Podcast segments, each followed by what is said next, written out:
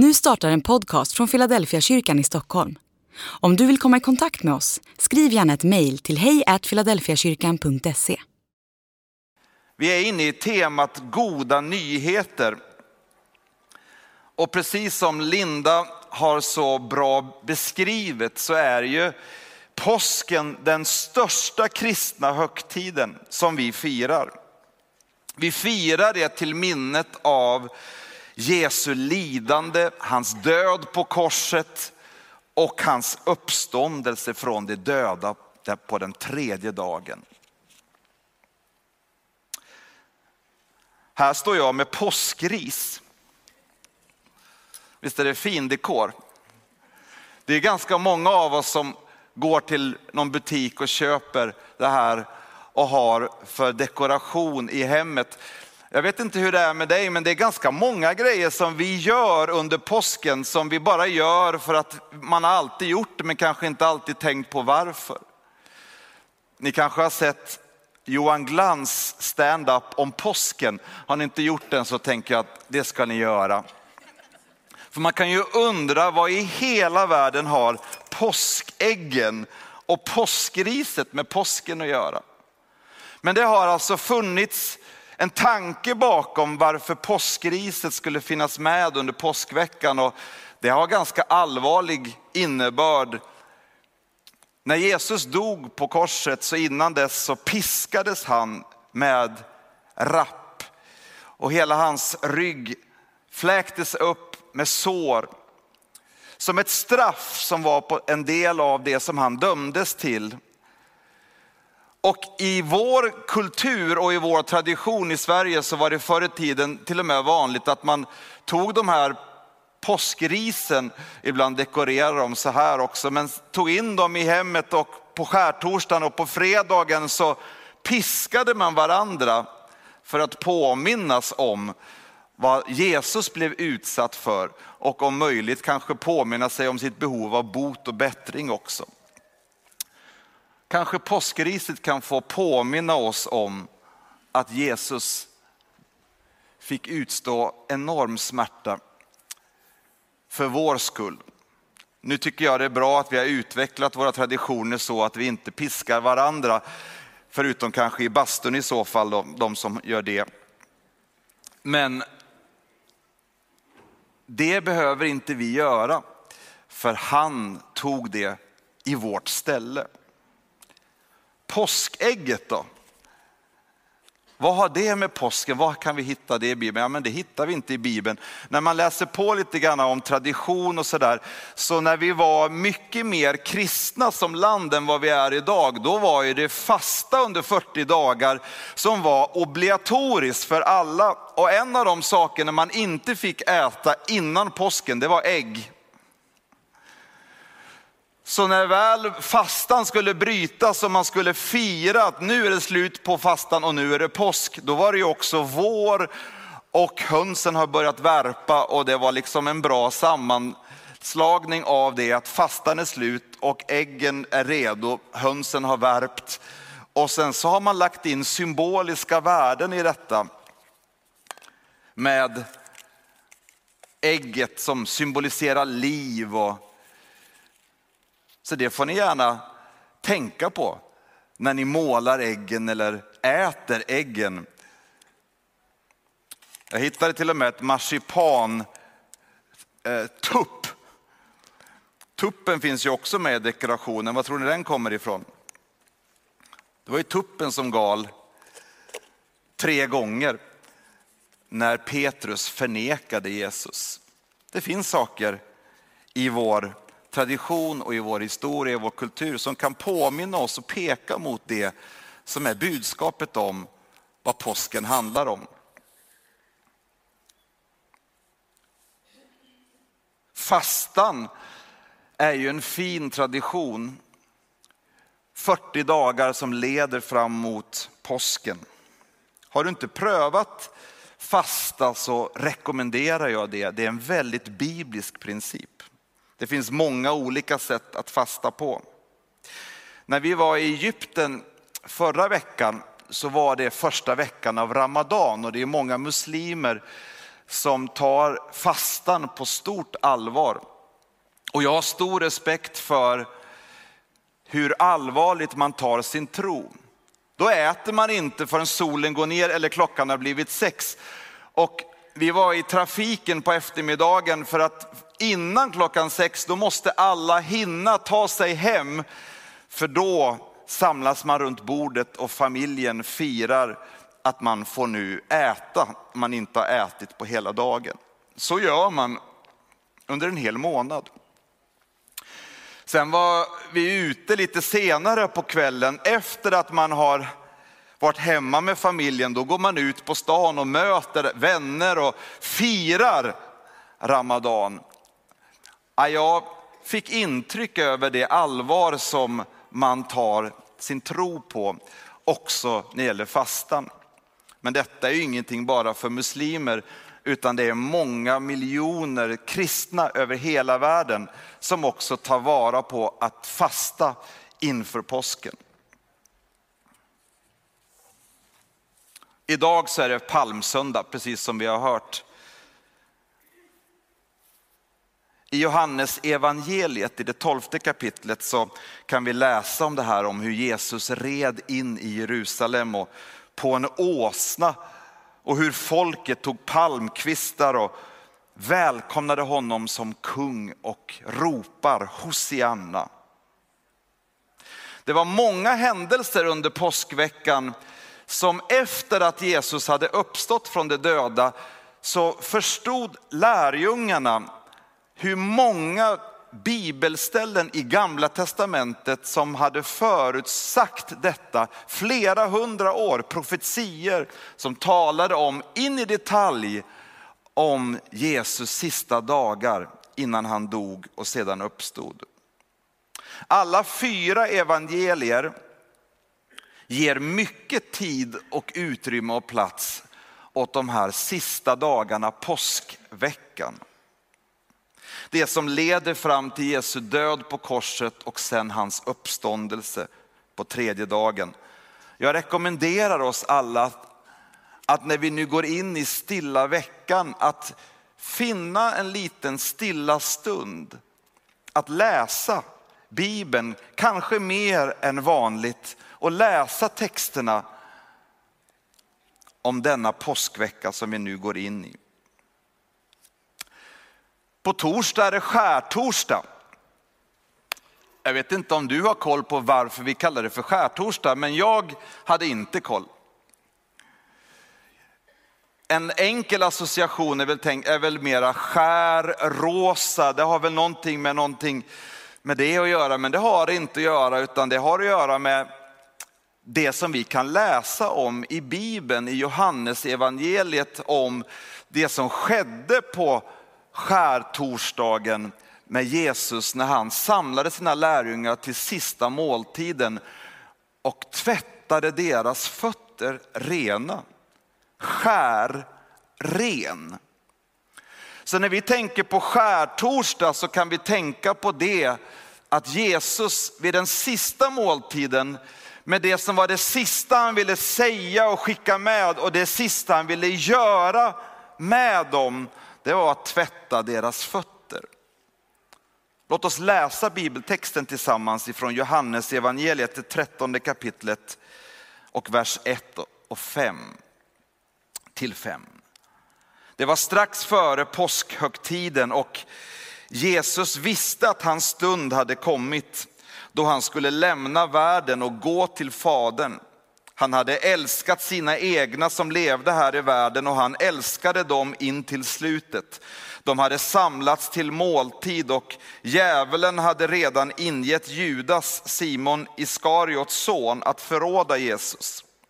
Jesus visste att Fadern hade lagt allt i hans händer och att han hade utgått från Gud och nu återvände till Gud.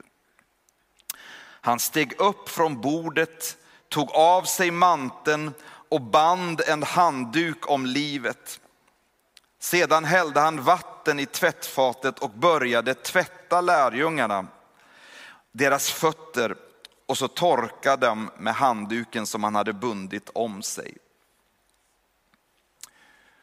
Om ni tar tid sen och läsa vidare i detta bibelsammanhang så kan ni få följa den dramatiske Petrus som först vägrar och inte vill låta mästaren Jesus tvätta hans fötter. Men sen när han blir övertalad, då vill han ha vatten över hela kroppen istället för bara fötterna. Jag hade gärna velat vara en, en fluga på väggen i det rummet och det samtalet. När Jesus är färdig med Petrus i samtalet så tar han ändå tillfället och säger det jag nu har gjort med er när jag har tvättat era fötter. Det är ett exempel för er som jag ber er också göra med varandra.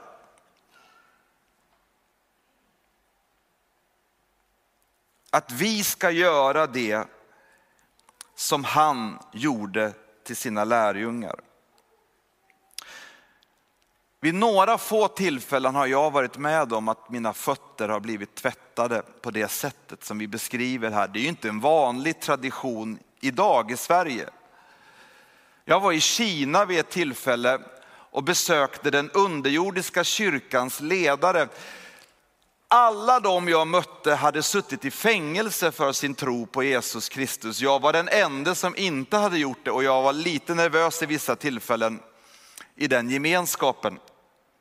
Jag minns vi var på en landsbygd på en, en bondgård och när man sov på natten så hade man både skor och kläder på sig och så hade jag i en sån här magpåse pass och flygbiljett och så sa han som jag var med, var beredd att springa ut på fältet och göm dig när som helst när jag säger till. Så jag sov inte speciellt gott den natten. Klockan fem på morgonen så vaknade jag av att de bad och då bad de i fem timmar innan det var dags för oss att samlas och ha. Det var stora intryck som det gjordes i mitt liv av mötet med den förföljda kyrkan i Kina. När vi sen åt tillsammans så satt vi väldigt enkelt, det var jordgolv och det var, liksom, det var på en bondgård. Och så kommer någon och vill tvätta våra fötter och jag tänker, ja, västerländsk och svensk eller bara jag som, som jag är tänkte att ja, här finns det säkert folk som jobbar här på bondgården som tycker att det är spännande. Nu kommer de gäster från väst och så ska de tvätta mina fötter. Så jag la inte så mycket märke till det mer än att det var en ovanlig erfarenhet. Efteråt så frågade de mig, vet du vem det var som tvättade dina fötter? Nej, nej det vet jag ju inte. Då berättar de att den här kvinnan hade precis blivit släppt ifrån fängelset där hon hade suttit under lång tid för sin tro på Jesus. Och hon var en lovsångsledare som när hon var i fängelset hade fått möta Jesus i en uppenbarelse och hon hade fått sånger som hon uppfattade sjungs i himlen. Och nu har hon skrivit sånger som i Kina i kyrkan där de är runt 100 miljoner människor, alla sjunger de här sångerna. De har spritt sig, de är som O store Gud eller Amazing Grace i Kina. Men hon hade inget behov av att göra en stor sak av det när hon kom, utan hon var villig att tvätta fötterna på dem som var där. Det gjorde intryck på mig. Jag tror inte att det handlar främst om idag i vår samhälle, i vår kultur, att vi skulle tvätta varandras fötter. Även om när det görs så sänder det enormt starka signaler för oss. Jag tror att det handlar ännu mera om att tänka till i hur vi bemöter varandra, hur vi tjänar varandra med Jesus som exempel och att detta påverkar oss. Vår tro på Jesus och Jesus som vår förebild påverkar oss i våra relationer, i vår vardag, hur vi bemöter varandra. Att vi tvättar varandras fötter. Det var vid den där måltiden när Jesus tvättade deras fötter som han också instiftade nattvarden idag ska vi fira nattvard tillsammans. För mig är det alltid en högtid. Men det var i en middagskontext runt matbordet i hemmet som Jesus instiftade nattvarden.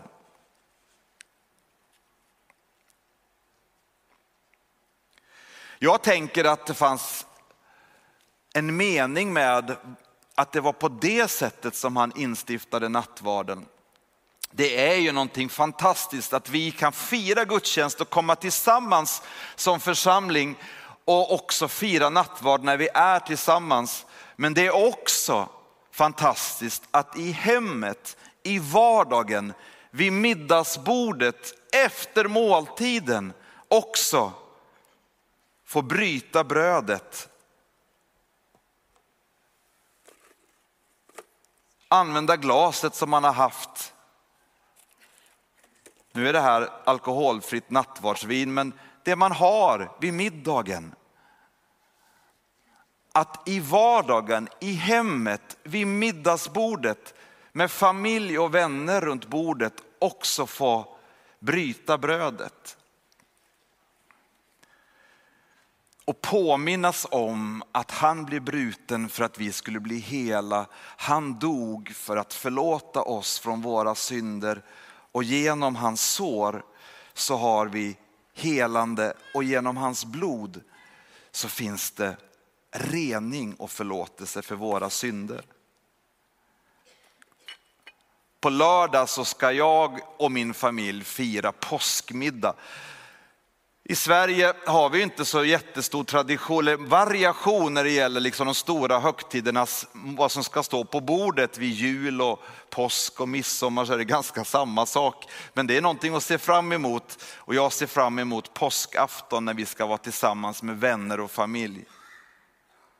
Då tänker jag också bryta brödet och fira nattvard efter måltiden där hemma. Kanske du också ska pröva på det. På torsdag har vi nattvardsgudstjänst igen. Det finns inga regler i Bibeln om hur ofta man får eller inte får samlas. Så ofta ni bryter brödet, gör det till minne av mig.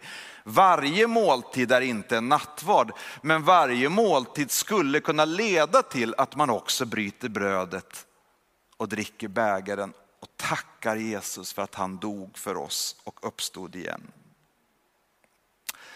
En annan sak som skedde i samband med sista måltiden. Jag tror att Jesus hade tänkt till och förberett mycket och så sista tillfället så instiftade han nattvarden, han tvättade deras fötter. Sen håller han ett tal och det kan vi läsa om i Johannes evangelium kapitel 12, 13, 14, nej förlåt 14, 15, 16, 17, flera kapitel. Och så ger han dem ett nytt bud vi kan läsa Johannes 13, vers 34 till 35. Ett nytt bud ger jag er, att ni ska älska varandra. Så som jag har älskat er skall ni också älska varandra.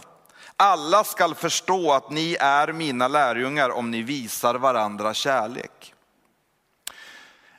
När Jesus sen har uppstått från de döda och innan han far till himmelen så finns det i Matteus 28 de välkända missionsbefallningen att gå ut i hela världen, göra alla folk till lärjungar, döpa människor i Faderns, Sonens och den helige Andes namn och lära folk att hålla alla bud som Jesus har gett oss.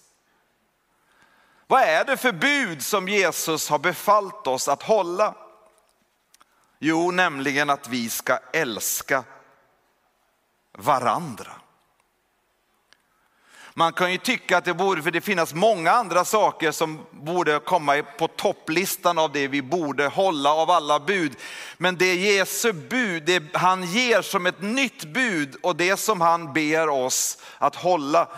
Det låter så enkelt men kanske det är det som är bland det svåraste som finns. Att älska varandra. Så som jag har älskat er, så ska ni älska varandra. Han sätter ribban högt. Han har visat oss vad kärlek är. En osjälvisk utgivande kärlek som utmanar mig varje dag i mitt äktenskap, i min familj, på min arbetsplats, bland mina vänner, i alla relationer. Att så som han har älskat mig vill han att jag ska visa kärlek till andra. I alla fall jag kommer till korta i detta gång på gång. Bibeln säger, vi älskar för att han först har älskat oss. Det som kan bli en källa för oss till kärlek för att kunna älska är att vi vänder oss till honom och på nytt och på nytt, igen och igen får ta emot av hans kärlek till oss. För vi älskar för att han först har älskat oss. Och det är som ett kretslopp av att vända sig till honom, ta emot av hans kärlek och blir påmind om att jag är älskad. Petrus i evangelierna är ju en person och en karaktär. Man kan väl säga att han var upptagen av att få visa för Jesus hur mycket han älskade Jesus. Johannes som vi läser ifrån nu, han han verkade ha förstått, jag är älskad. Han beskriver sig själv som den lärjungen som Jesus älskade mest. Jag tror inte det var i jämförelse med andra, men jag tror att han upplevde det så. Och jag vill hellre bli som Johannes än som Petrus. Att inte vara så upptagen av att försöka visa för Jesus hur mycket jag älskar honom, utan får bli ännu mer trygg i att jag är älskad, han älskar mig. Med den tryggheten, med den erfarenheten, med den övertygelsen att jag är älskad så kan vi också älska varandra. Det är inte rocket science, men det är utmaning, så det heter duga.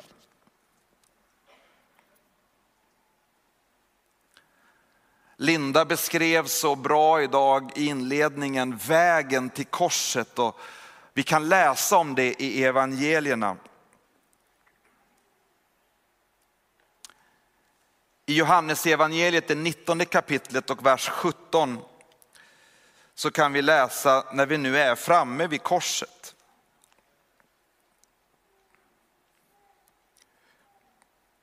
Han bar själv sitt kors ut till den plats som kallas skallen.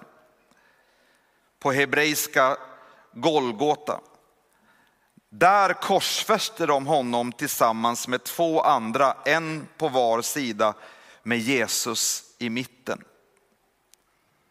Tre kors, tre personer.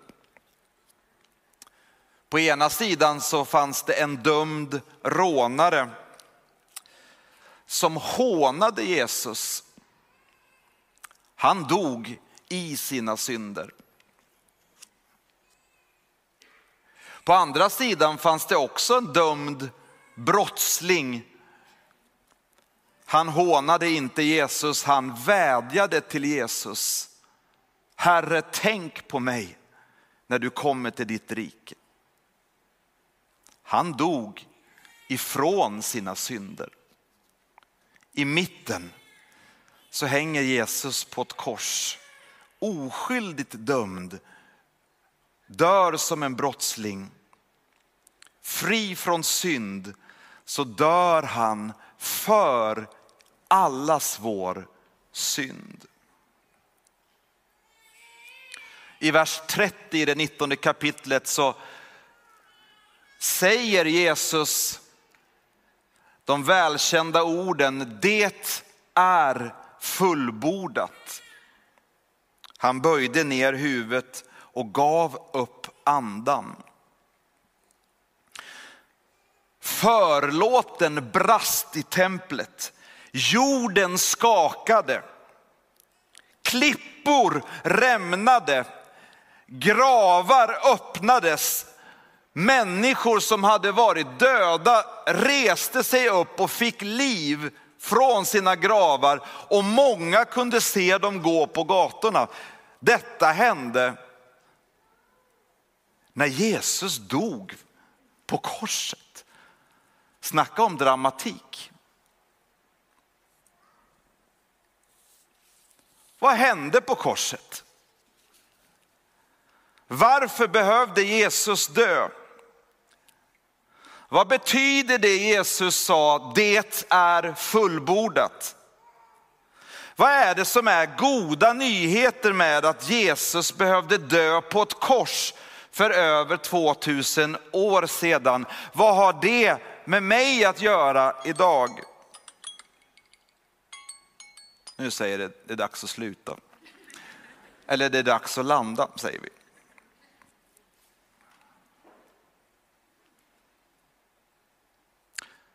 Jag uppmuntrar till att läsa Bibelns texter om detta, att fördjupa sig och försöka förstå. Bibeln använder många ord och bilder för att försöka förklara vad som hände på korset. Det finns teologer som har ägnat sina liv åt detta för att tolka och förstå ord och uttryck som försoning och räddning och rättfärdiggörelse, frälsning och syndernas förlåtelse, seger över synd och död och djävulen kan verka svåra och ganska främmande för många av oss.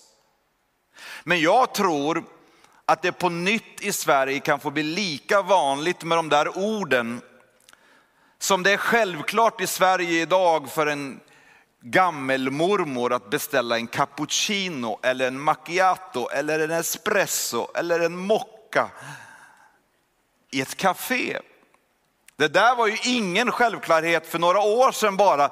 Då var det kokkaffe eller, eller bryggt kaffe. Det var kaffe som gällde. Det var bara några riktigt nördiga insatta i en liten cirkel som var insatta och informerade om detta som idag har blivit en kafferevolution över hela världen.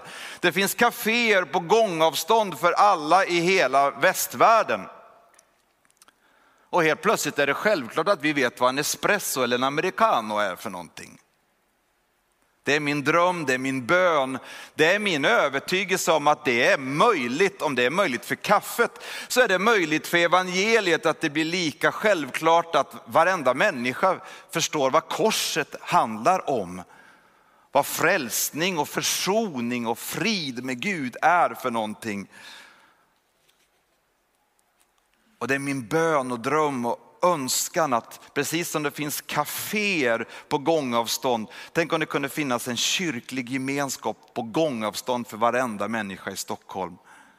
Man får gärna ta med sig cappuccinon och så kan man samlas och tala om korset. Flera hundra år innan Jesus dog på korset så profeterade Jesaja om detta. Paulus säger i första Korinthierbrevet i det första kapitlet att talet om korset det är en dårskap för dem som går förlorade. Men för oss som räddas så är det en Guds kraft. Korset är ett mysterium. Korset är en dårskap. Men korset är också en kraft. Jesaja 53 och jag är på väg att landa. Du kan vara trygg. Men det var våra sjukdomar han bar. Våra smärtor tog han på sig. Medan vi såg honom som hemsökt, slagen av Gud och pinad. Han blev genomborrad för våra brott, slagen för våra synder. Straffet blev lagt på honom för att vi skulle få frid och genom hans sår är vi helade. Vi gick alla vilse som får, var och en gick sin egen väg, men all vår skuld lade Herren på sig. Jesus bar våra sjukdomar på korset. Jesus bar våra smärtor på korset. Han blev genomborrad för våra brott och slagen för våra synder. Straffet blev lagt på honom för att vi skulle få frid. Och genom hans sår så blir vi helade. Påsken handlar om Jesus. Han är vårt exempel i tjänande, i lidande. Han har befallt oss att älska varandra. Han bar våra syndor, synder i sin kropp när han dog på ett kors för att vi skulle dö bort från synden och leva för rättfärdigheten. I hans sår kan vi få uppleva helande. Helandet för vår brustna själ, helande för våra sjuka kroppar. Han är vår själs herde och vårdare. Låt oss vända oss till Jesus Kristus. Han är uppstånden och han lever. Han både vill och kan hjälpa oss. Han känner med oss i våra svagheter. Han har prövats på alla sätt och varit som vi, men utan synd. Om du för första gången vill ta emot honom, tro på honom, börja följa honom och bekänna dig till Jesus så kan du få göra det idag. Om du har varit ute på villovägar och vill vända hem till din själs herde och vårdare så står han med en öppen famn och välkomnar dig hem idag. Vi ska strax fira nattvard och det är en öppen inbjudan för var och en som bekänner sin tro på Jesus Kristus. I sitt hjärta tror att Jesus har dött och uppstått igen från de döda för mig. Du är inbjuden, du är välkommen. Vi kommer också ha förbön. Jag skulle uppmuntra er att inte tänka det där är för någon annan, utan tänka det är ett tillfälle för mig att få frimodigt få komma fram till nådens tron för att få förbarmande och nåd i den stund då vi behöver hjälp. Det är en kraftkälla det är en inbjudan, det är en möjlighet. Amen.